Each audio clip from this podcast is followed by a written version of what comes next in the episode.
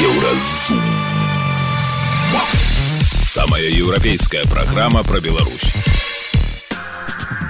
Вітаю, гэта праграма Еўразум. І самыя важныя падзеі сэнсы серады 29 лістапада. Адно акно праз месяц працы, якую дапамогу шукаюць беларусы. Давайте будем шчырымі. Мы з'ехалі і мы ведаем вельмі аддалённа пра тое, што адбываецца ў Беларусі. У тым ліку і людзі, якія ў Беларусі таксама даволі аддалённа ведаеце, ведаю шмат людзей, якія актыўна прымалі ўдзел у двадцатым годзе, але зараз дзеля сваёй бяспекі яны не чытаюць, не ведаюць.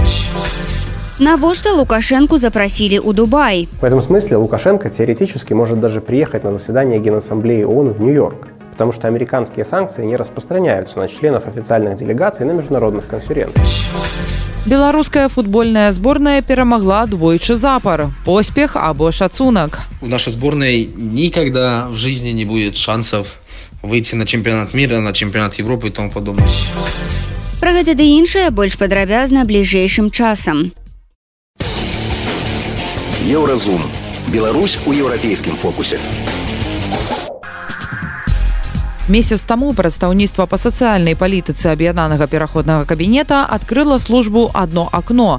Яе мэта дапамагаць паліцняволеным і тым, хто выйшаў на свабоду, іх сем'ям, а таксама беларусам у эміграцыі. Адразу пасля запуску праекта у яго бок паляцелі камяні ад сваякоў палізняволеных. Маўляў, навошта вы раеце пісаць прашэнне пра памілаванне. І ўвогуле, чаму тытульная мова сайта руская. Пра тое, чым адметны першы месяц працы аднаго акна мы пагутарылі сяброўкай прадстаўніцтва па сацыяльнай палітыцы аб'яднанага пераходнага кабінета і актывісткай Настай базар. Наста вітаю.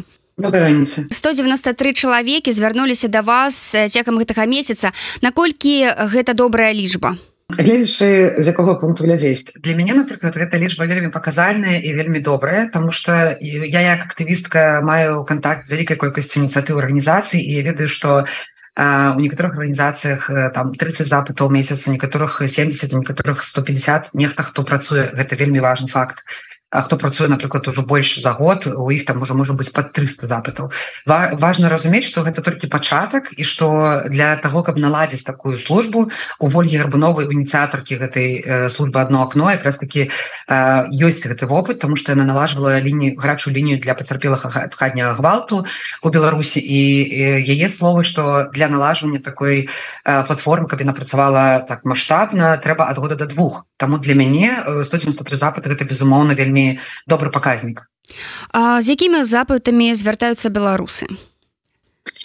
Тут таксама важно сказать беларусы беларускі у эміграцыі і унутры. Паколькі мы вельмі просім выкарыстоўваць VPN мы не можем сказать дакладную колькасць дакладны адсотак людзей які звяртаюцца знутры беларусі. При гэтым дакладна мы ведам что мінімум гэта 15соткаў гэта ты кого мы могли бы зафіксаваць але іх канешне болей просто праз VPN мы не можем гэта зразумець на дадзены момент канешне больш людзей звяртаецца па-за межамі беларусі і таму мэта такая на короткатэрмінова перыяд гэта все-таки увайсці ўнутр беларусі то данесці да людзей унутры беларусі что мы ёсць чтобы дапамога Мачыма тому что ёсць такое меркаванне что зараз у беларусі увогуле падтрымки няма так безумоўно 1441 недзяржаўнай арганізацыі былі ліквідаваныя альбо былі вымушаны падацца на ліквідацыю безумоўно гэта вельмі моцна ударыла по сацыяльнаму сектору беларусі але часто вырашэнне пытання з'яўляецца не толькі ў прамой дапамозе але і ў тым каб чалавек ведала ці ведалі свае правы і маглі сябе самастойна адстойваць. Таму насамрэч у все-таки нешта можна зрабіць у Беларусі і нагадаю что наша мэта службы одно окно гэта шукаць э, тыя варианты якія дапамогуць вырашыць пытанне калі мы сутыкаемся з запытам які немагчыма і зараз я распавяду якраз про запыты немагчыма вырашыць то мы прапановваем іншыя варианты рашэння цалкам сітуацыі что датычыцца конкретных э, як бы тэматык так э, гэта калі мы кажам про унутры Беларусі гэта якраз таки сем'і палізнявольных звяртаюцца за дапамогай за фінансавай падтрымки падтрымкай. Гэта таксама пра эвакуацыю экстранную запыты. Таксама гэта запыты пра псіхалагічную дапамогу. Калі мы кажам пра беларусу беларусак якія выехалі першы канешне лідзіруе гэта все-таки легалізацыя.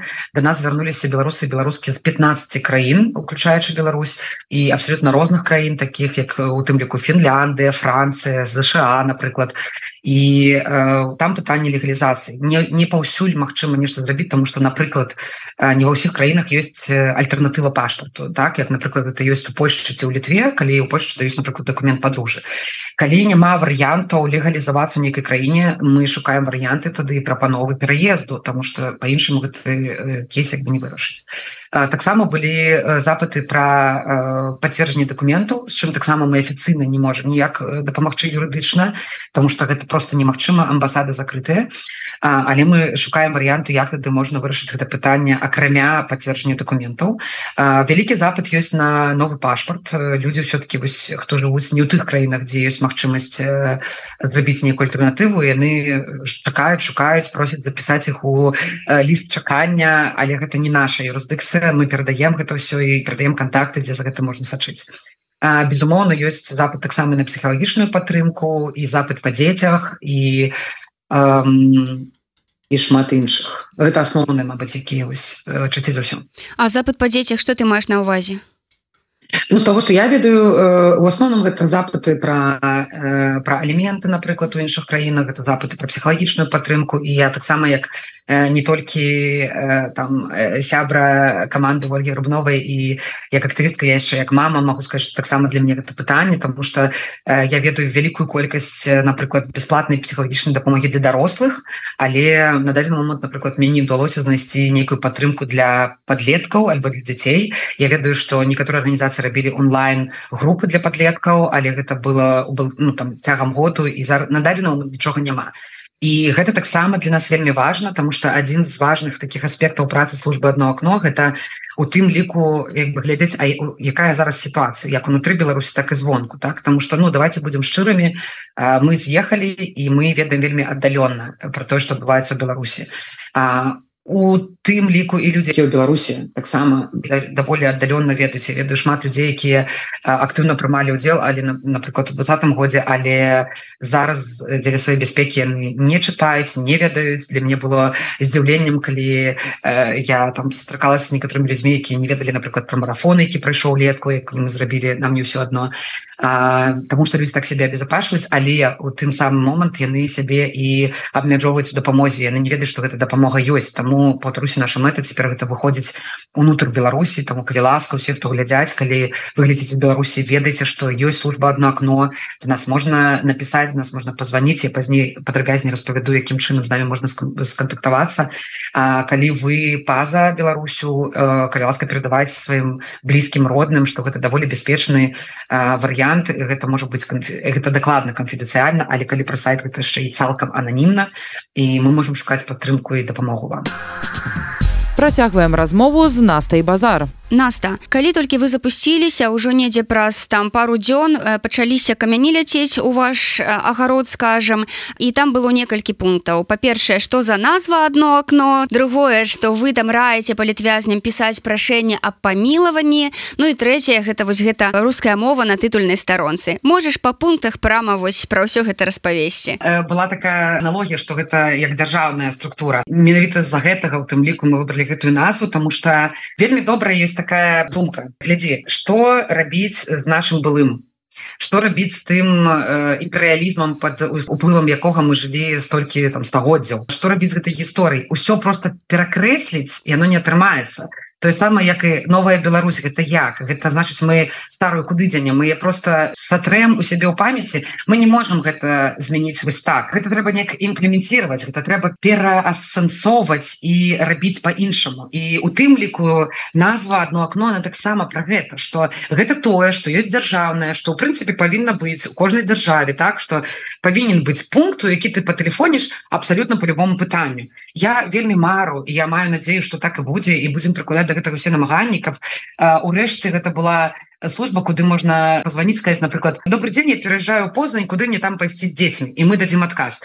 То бок маю надею что даволі хуткім часе прынамсі давайте памарым в нас не будуць звяртацца напрыклад сем'і палізняволеных А як мне выжыць альбо дзе знайсці адваката что гэтые пытанні ўжо будуць вырашаны таксама вельмі важна сказаць яшчэ про планы про маштаб увесь час гаварыла і гавару что пераходны кабінет не просто так называется пераходны гэта кабінет гэта структура створаная для того каб у той момант калі мы можем уехаць у Беларусь у першую чаргу якраз уязджаюць гэтыя людзі і яны займаюцца пераходным перыядам каб зрабіць гэты пераход. І вось у гэты момант наша мэта у тым каб одно окно гэта было той пункт э, уваходу у якім ты можешь зайти любой любой адказ на любое пытанне. То бок гэта будет такая гарачая лінія дзяржаўная толькі ўжо той краіны якую мы зараз будуем. На пачатку ольга гарбанова казала менавіта як ужакам типа ну кштал то одно окно але потым мы подумалі і вырашылі что гэта насамрэч добрая назва для того каб э, показваць что дзяржаўныя структуры павінны працаваць вось так.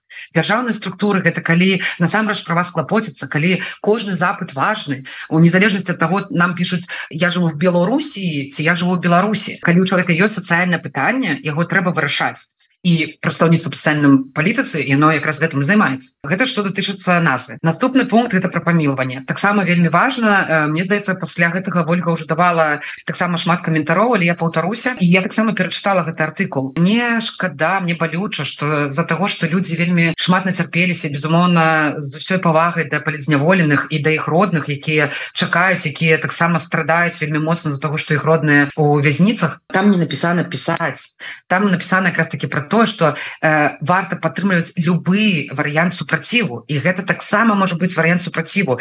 Мэта гэтага месседжа Мажліва быў неправільна сфармуляваны на пачатку хотя мне здаецца что мы укладывали менавіта гэты сэнс. Мэта была такая что мы асабліва давайте бывшим асабліва тыя у кого няма вопыту палітычнага зняволення не маем права ацэньваць альбо вырашаць за тых хто знаходзіцца у палоне ну гэта палон.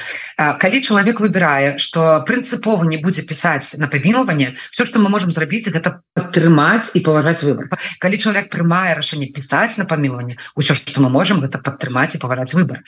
Чаму гэты пункт быў абазначаны гэта вельмі важно. Таму что насамрэч есть вялікая колькасць палізняволеных і нам про гэта вядома якія не пишутць на памілаванне толькі і выключна за того что яны баяцца не атрымаць потым падтрымки ад грамадзянской супольнасці і вось гэта страшно. Калі э, так мы ведаем что большасць гэтых запытаў может быть не не патрэбна мы ведаем что часто калі ёсць то гэта скарачаецца на некалькі месяцаў толькі.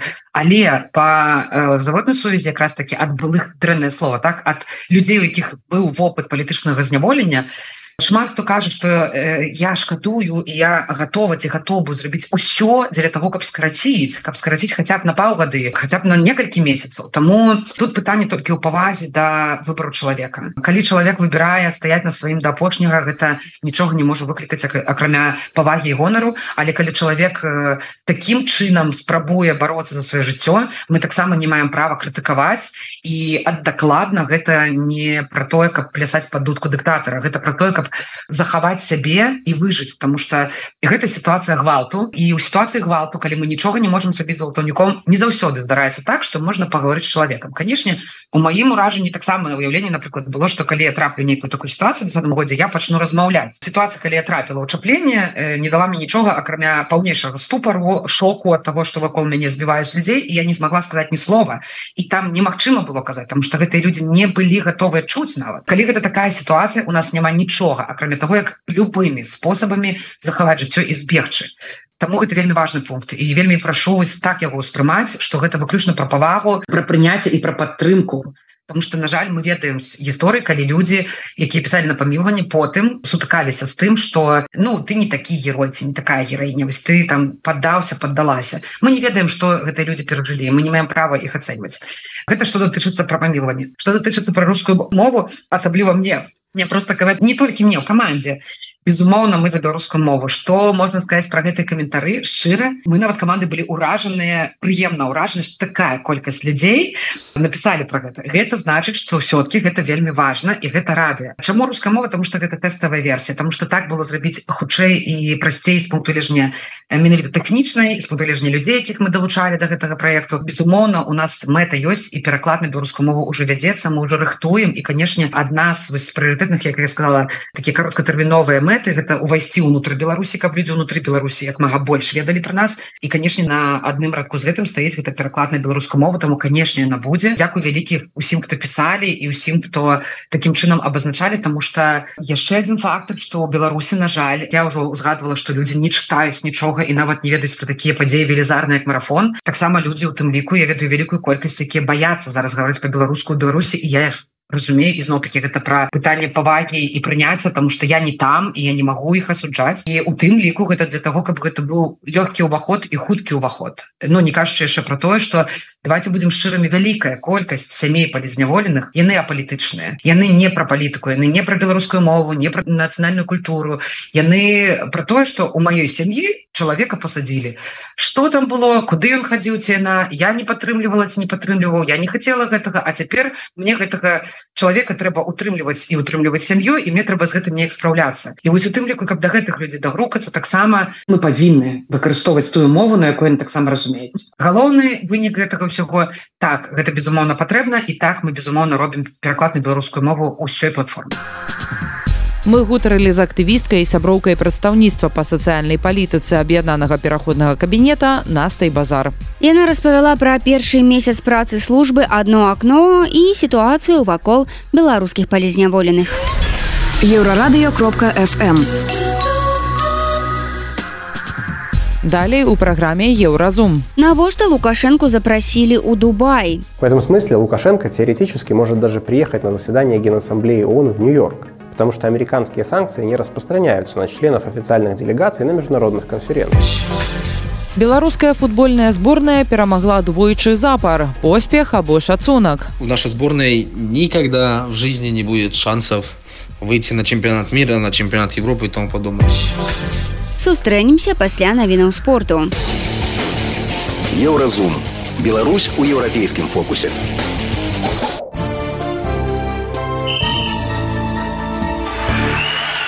На еўрарадыё навіны спорту. Выканаўчы камітэт міжнароднай федэрацыі баскетбола падоўжыў адхіленне каманд з беларусі і рассіі ад яе спаборніцтваў. Яны трапілі пад санкцыі ў траўні мінулага года з-за агрэсіі рассіі супраць украіны. Тады ж было вырашана што афіцыйныя баскетбольныя спаборніцтвы пакуль не павінны ладзіцца ў згаданых краінах Сергей Ясінскі сышоў з пасады галоўнага трэнера маладзёжнай футбольнай зборнай Беларусі. Сёлета яна не выйгравала. У адборы чэмпіянату Еўропы зборная займае апошняе месца ў групе. Знаходзіцца ніжэй за фарэрскія стравы і андору.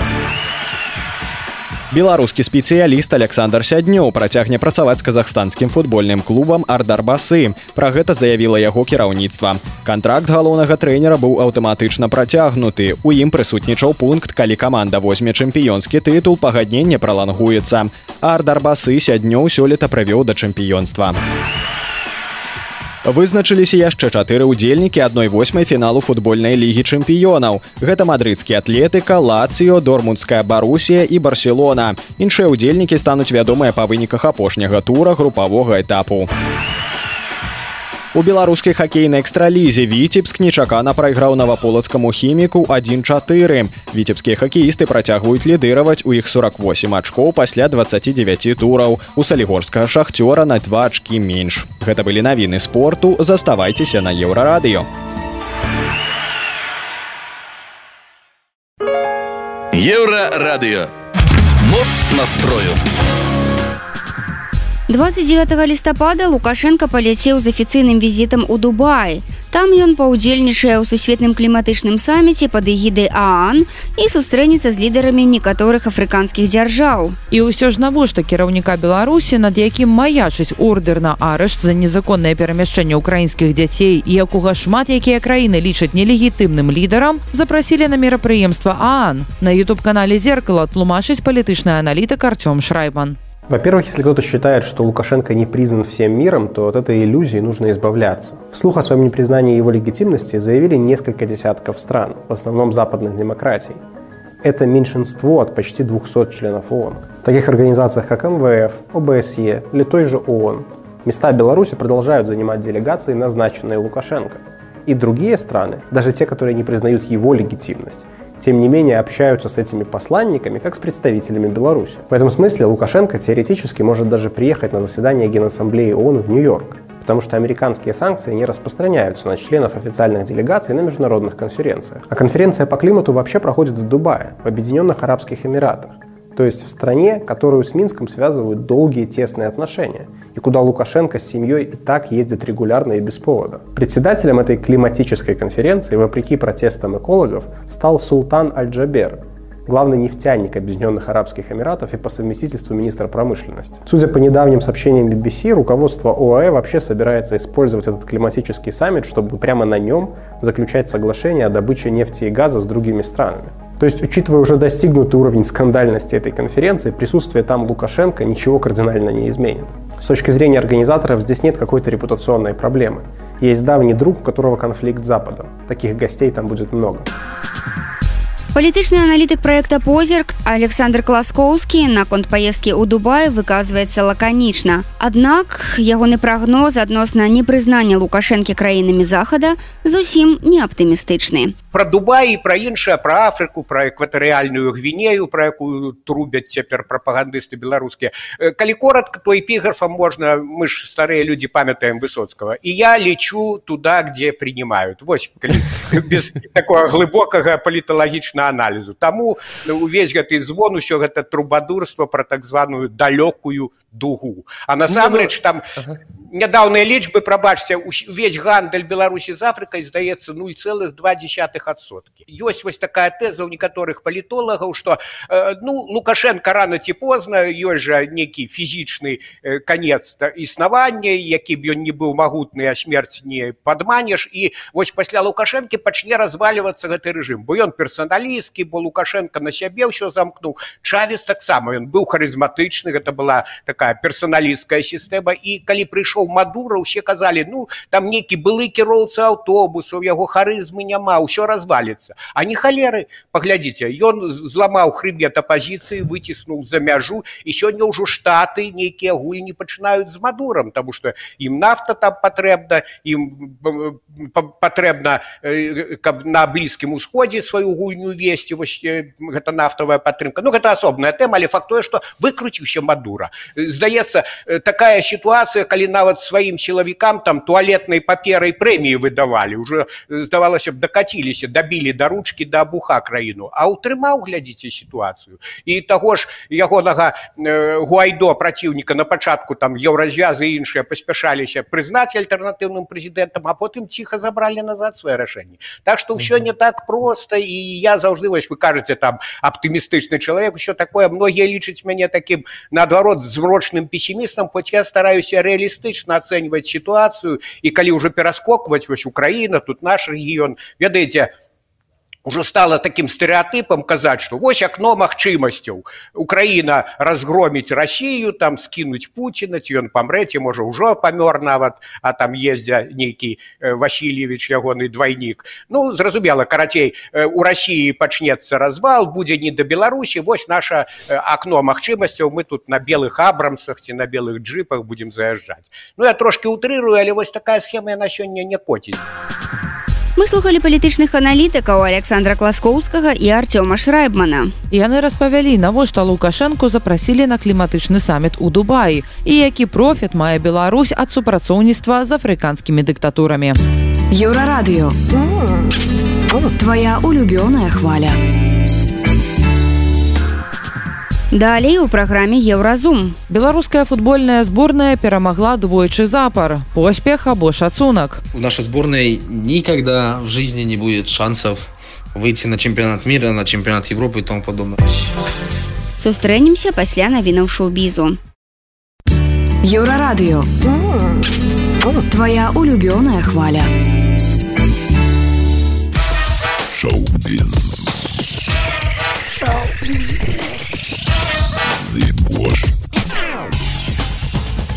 Навіны шоу-бізу на еўрарадыё. У аўторак лонданская каралеўская фестывальная зала была пераўтвораная ў святочную версію шакаладнай фабрыкі вілівонкі. Тимати шаламэ, які ўвасобіў вобраз вядомага кандытара быў сярод гасцей мерапрыемства і правёў больш за гадзіну раздаючы аўтографы, пазіруючы на чырвонай дывановай дарожцы, упрыгожанай гіганцкімі аблокамі з цукровай ваты і слойкамі прысмакаў. На мерапрыемстве таксама прысутнічалі яго калегі Х'югрант, Алівія Колман ды Роуэн Аткінсон. Наш акцёрскі склад падобны на каробку самых прыгожых шакаладных цукерак, сказаў рэжысёр Пол Кінг. Вонка гэта прыквел да рамана Рольда Даля Чарлі шакаладная фабрыка, які распавядае гісторыю паходжання маладога генія, што стаў сусветна вядомым шакаладье. Айчым Мэтью Пэры Кіт Морысон парушае маўчанне пасля смерці акцёра. У садсетцы пад прапановамі ахвяраваць грошы ў фонд Мэтью ён напісаў: « Гэта не тое, чым я займаюся звычайна гэтая прэзентацыя, але сёлета ўсё па-іншаму. У гэты шчодры аўторак рабіце тое, што вы можете. Ён быў бы удзячны, напісаў Морысон. Фонд быў заснаваны пасля смерці Пэрыка працягнуць яго імкненне дапамагаць тым, хто змагаецца з залежнасцю. Акцёр публічна адкрыта распавядаў пра сваю шматгадовую барацьбу з залежнасцю ад алкаголю і наркотыкаў. Тэстамент Арэты Франклін мяняе жыццё яе дзяцей. Дакумент быў знойдзены ў канапе і падпісаны літарай А у доме Франклін у 2019 годзе. Суддзя перадаў нерухомасць спявачкі дзецям Арэты Франклін. Новае рашэнне было прынятае пасля аналізу папераў на сапраўднасць. Вынікі суду сталі буйной перамогай малодшага сына Арэты Кекалфа. Ён карыстаўся падтрымкай свайго старэйшага брата Эдварда. Аднак яго намаганням супрацьстаяў трэці сын Арэты Тэд.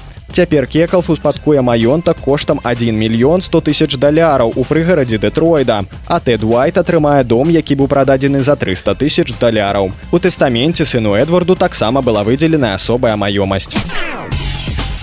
Напрыканцы лістапада ў выдавецтве Янушкевіч распачаўся перадпродаж ліцэнзаванага выдання брацтва пярсцёнка першай кнігі знакамітай трылогіі валадар пярсцёнка ў Толкіна. Сусветна вядомая фэнтэзі на беларускай мове паступіць у продаж толькі 19 снежня, але ўжо за першыя суткі папярэдняй замовы яе заказалі больш за 200 чалавек, паведамляе рэформ бай. Першы пераклад слыннай трылогіі на беларускую мову быў створаны 15 год таму Дмітрыем магілеўцавым і крысцінай курчанковай.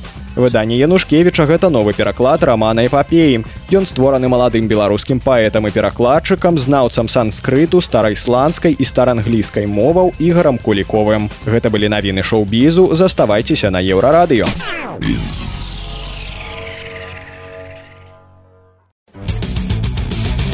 Еўразум жыві ў рытме Еўропы.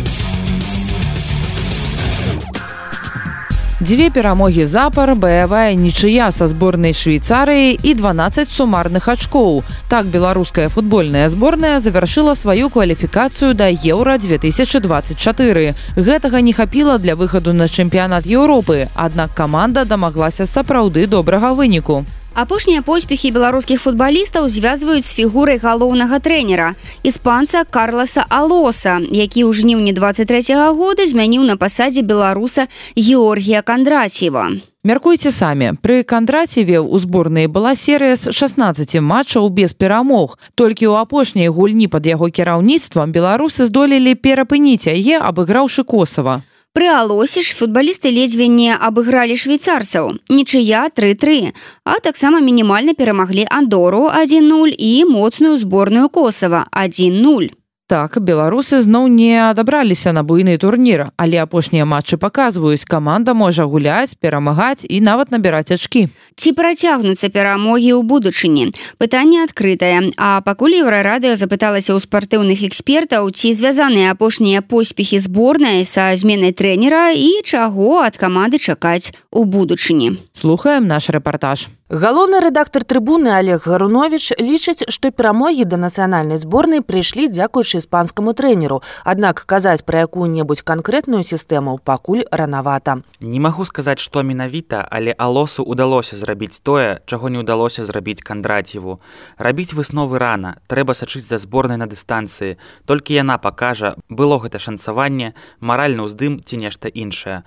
У футболе бывае, калі лёс аддае камандзе даўгі. Раней беларусам шмат шмат не шанцавала. Цяпер сітуацыя адваротная. На думку журналіста стыль і тактыка гульні ў каманды не змяніліся, а статыстыка нават пагоршылася ў параўнанні з гульнёй каманды кандраціва. І алос і кандраціў правялі па матчы ля стырна зборнай менавіта супраць косава. Абодва матчы, дарэчы, завяршыліся перамогай. Але статыстычна ў гэтай дуэлі перамог кандраціў. Яго каманда больш кантралявала мяч, стварала небяспечныя моманты і шмат пасавала. І ў цэлым паказчыкі алоса даволі сціплыя. Магу меркаваць, што цяпер яму проста проста шансуе калі б зборная беларусі ў кожным матчы так якасна рэалізоўвала свае моманты гэта быў бы добры еўрапейскі ўзровень. Гарунович лічыць што казаць пра перспектывы алоса ў зборнай занадта рана. Паводле яго слоў любая параза можа зноў пасеяць у гульцах няўпэўненасць у сваіх сілах і ў трэнеры. Цяперашняя беларуская зборная гэта абарончая каманда якой уласціва трываць і гуляць на стрымліванне суперніка. Узяць нават матч са швейцарыі дзе дзякуючы цудоўнай рэалізацыі беларусы ў нейкі момант нават вялі з лікам 31 аднак добрая рэалізацыя і шанцаванне могуць быць і ў суперніка. Таму такая тактыка не заўсёды добрая ідэя. А што тычыцца мэтаў і задач новага трэнера я не думаю што яны рэальна плануюць адабрацца на чэмпіянат свету ці Еўропы ў будучыні. Мне здаецца план якога павінна трывацца зборная выходзіць і думаць пра тое як не аблажацца з тым ці з іншым супернікам. Беларускі журналіст блогер і вядоўца youtube канала чеснок ярослаў пісаренко упэўнены што апошнія вынікі зборнай беларусі непасрэдна звязаныя з прызначэннем карласа алоса. Но это действительно там на мой взгляд изменение результата. Оно связано все-таки с назначением карлоса алоса потому что многие ну я слышал о таких вещах что там что говорят футболисты в внутри команды. То есть он пытается разговаривать разговаривать с футболистами. Он ну, как-то пытается сделать какую-то атмосферу и вот какой-то менталитет победителя, не знаю, еще что-то им привить. То есть он больше влияет на менталку, он не изменил игру. Писаренко перекананы, цяперашні поспех – гэта стопроцентны кароткатэрміновы эффект, а на дыстанцыі трэба выбудоўваць сістэму, якой пакуль няма. На самом деле, э, Алас, э, я почему сразу, например, у меня это вызвало много вопросов о назначении, потому что если посмотреть его карьеру и список клубов 2015 года, там за 8 лет э, сменилось 8 команд. То есть он постоянно, э, ну, знаете, в футбольном мире как такой типа гастролер. То есть да. приехал, поработал, заработал, уехал, приехал. Ну и в частности я слышал э, не самые лучшие отзывы о нем Казахстана, то есть он там работал в Кайрате, и говорили, что, ну, такой чувак э, очень умелый ездок, да, назовем его так. В сборной Беларуси просто, ну, сейчас реально складывается ощущение, что это какой-то тренер такой всерьез долго, но я бы пока не преувеличивал uh-huh. значение его первых четырех матчей. Всего лишь пока четыре матча. Надо смотреть в длинном треке, как это будет все проявляться. То есть Э, сейчас все складывается действительно топово. Былы беларускі футбаліст Андрей Карбулскі таксама лічыць, што вынік прыйшоў менавіта дзякуючы новаму галоўнаму трэнеру, але гэта ненадоўга. У нашей сборной никогда в жизни не будет шансов выйти на чемпионат мира, на чемпионат Европы и тому подобное. Единственное, на чемпионат Европы может через Лигу наций. И то, извините, нынешняя, нынешняя сборная, хотя там у меня есть и ребята, с которыми я хорошо знаком и тому подобное, вот, про что про некоторых не могу ничего сказать плохого, ибо они на, хорош, на хорошем уровне, я считаю, для белорусского футбола, но все те игроки, которые вы могли тянуть сборную, такие как Илья Шкурин, то они точно не пойдут в сборную, пока мы знаем все эти прекрасно ситуации, из-за чего и тому подобное. Поэтому у нашей сборной нет шансов вообще никаких, пока такие игроки не будут играть за нашу сборную. Информационная служба Еврорадио. Гэта была праграма Еўразум, штодзённы інфармацыйны падкаст еўрарадыё. Кожны дзень мы распавядаем пра галоўныя навіны Беларусі і свету. А сённяшні выпуск скончаны. Беражыце сябе. Пачуемся. Еўразум. Самая еўрапейская праграма пра Беларусь.